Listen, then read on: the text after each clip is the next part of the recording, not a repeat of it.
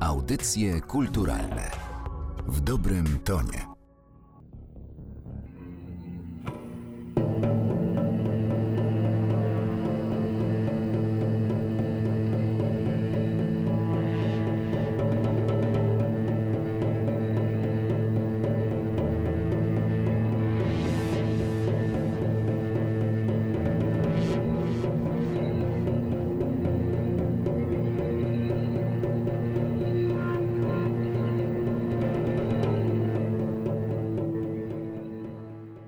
Słuchają Państwo podcastu Narodowego Centrum Kultury. Ja nazywam się Martyna Matwiejuk. Dziś słyszymy się z Państwem z festiwalu Wschód Kultury Inne Brzmienia w Lublinie. Ze mną jest Robert Kafel, Kamil Klama i Michał Klama, czyli zespół Szorstkie.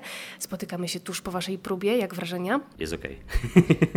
Nie, jest dobrze. Wszystko jest naprawdę tak profesjonalne, że aż trochę mi głupio. Chyba pierwszy raz gramy na takiej dużej, zorganizowanej imprezie. Także nie, jak najbardziej pozytywnie. To zacznijmy tę opowieść od początku. Jak uformował się wasz zespół? Zaczęło się od pandemii.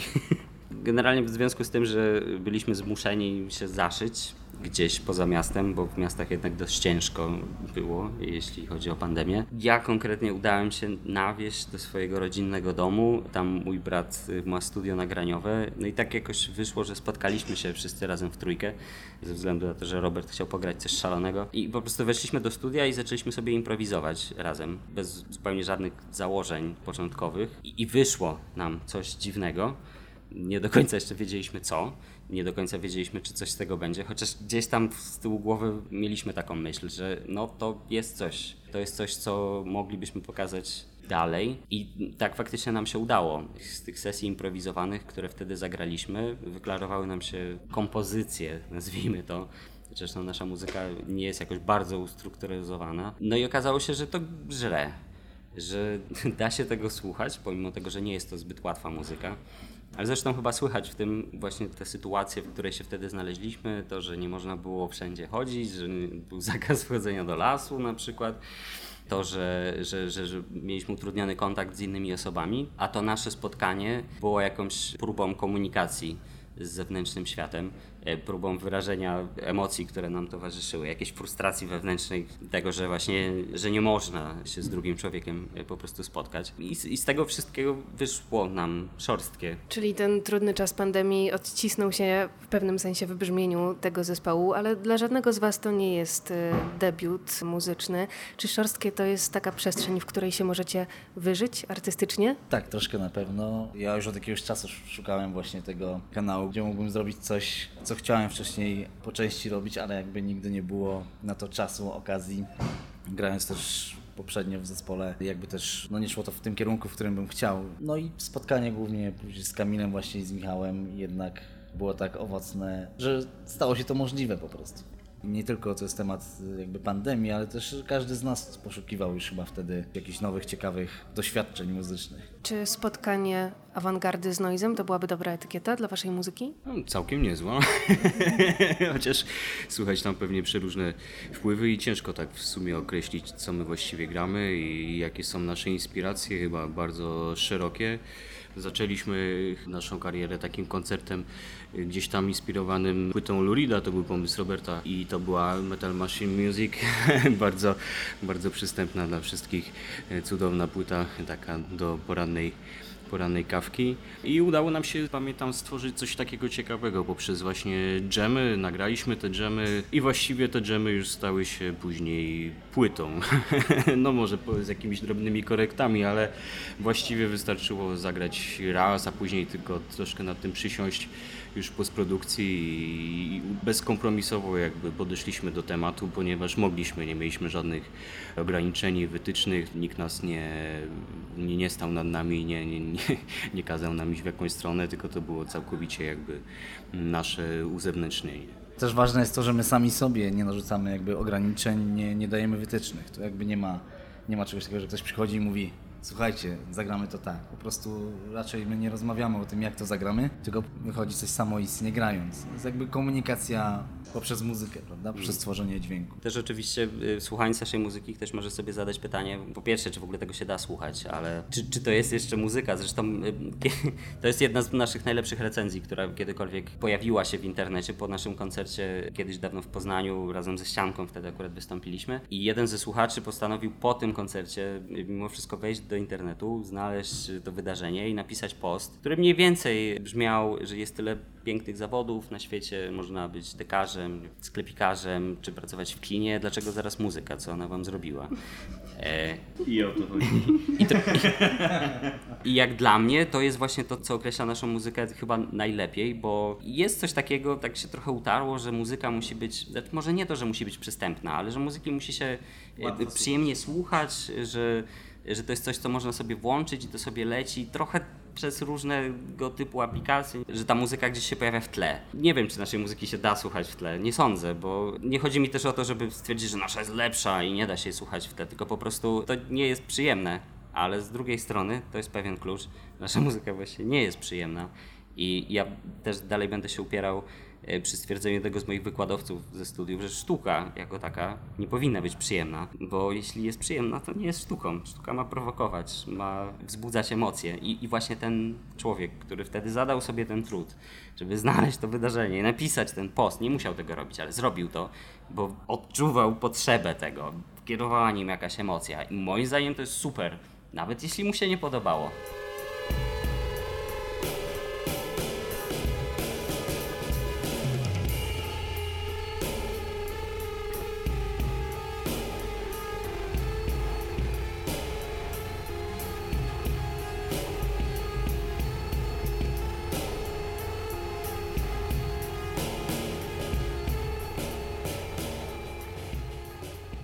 Co dobrego niesie hałas? oczyszczenie. Bo dużo, dużo mówicie o tym, że nie mieliście żadnych założeń, nikt nad wami nie stał, ale y, też myślę sobie, że wy operując hałasem, no, musicie to robić jednak w sposób kontrolowany i świadomy. Ostatecznie jednak powstają pewne utwory, wychodzi płyta.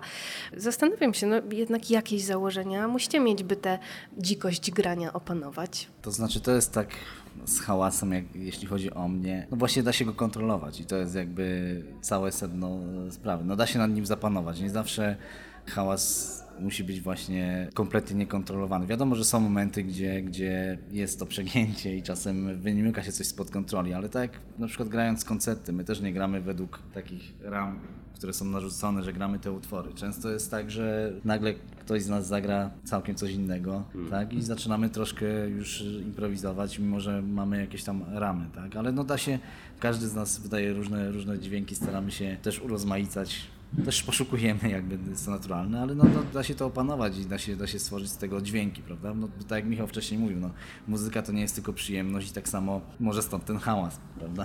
Bo, bo, bo on nie jest przyjemny, ale da się nad nim panować, tak? Paradoksalnie granie tego jednak chyba daje nam dużo frajdy, to jest też ciekawe.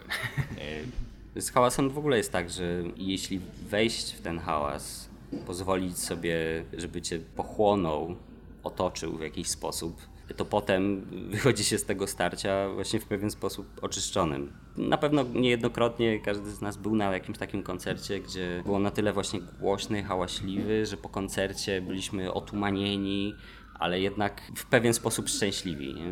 Hałas daje taką możliwość zresetowania się, wyczyszczenia. Już nie chcę tu iść w tony katarzis, ale trochę tak to wygląda, że, że jednak po takim koncercie. Znaczy ja oczywiście chciałbym, żeby tak było i z tego co słyszę, to się zdarza, że po naszych koncertach ludzie mówią, że okej, okay, to sprawiło, że, że nie mam ochoty dalej słuchać muzyki w tym momencie, ale sprawia, że jestem na przykład spełniony tu i teraz.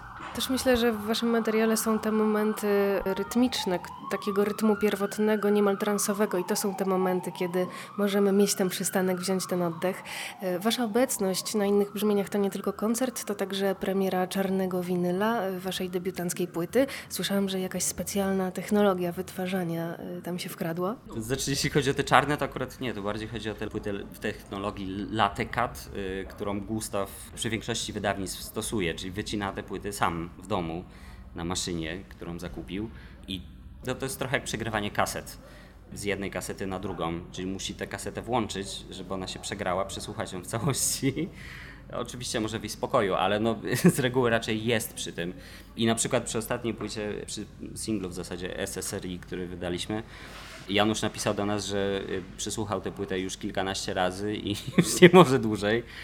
Natomiast no, sama ta technika pozwala wydać płytę w małych nakładach, no bo to są raczej, no nie wiem, kilkanaście, kilkadziesiąt sztuk. Akurat Gustaw zazwyczaj 66 sztuk takich płyt produkuje, także wiadomo, że nie mówimy tu o nakładach tysięcznych, ale no mimo wszystko można to zrobić dużo szybciej, bo w tym momencie no, jest pewien powrót płyt winylowych, jest, jest boom na to, żeby każdy album w zasadzie, czy nawet zrobić reedycję w formie winyla, przez co tłocznie tych y, płyt winylowych są zawalone terminami i nie jest łatwo się tam dostać. Zazwyczaj to jest czas oczekiwania około dwóch lat, żeby taka płyta powstała.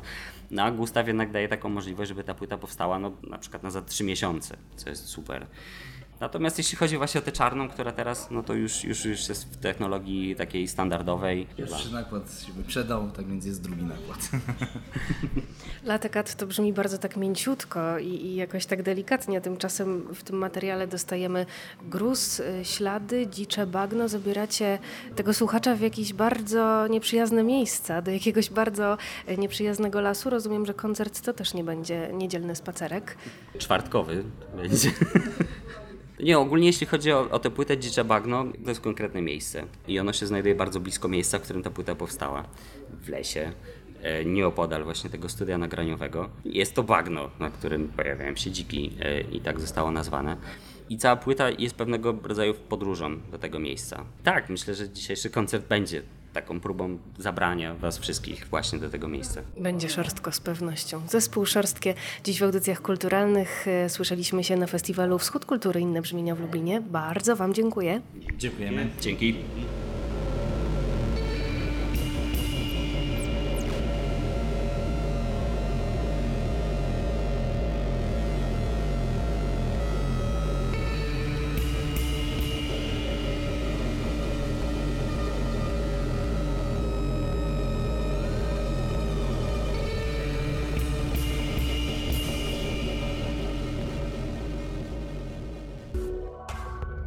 Audycje kulturalne w dobrym tonie.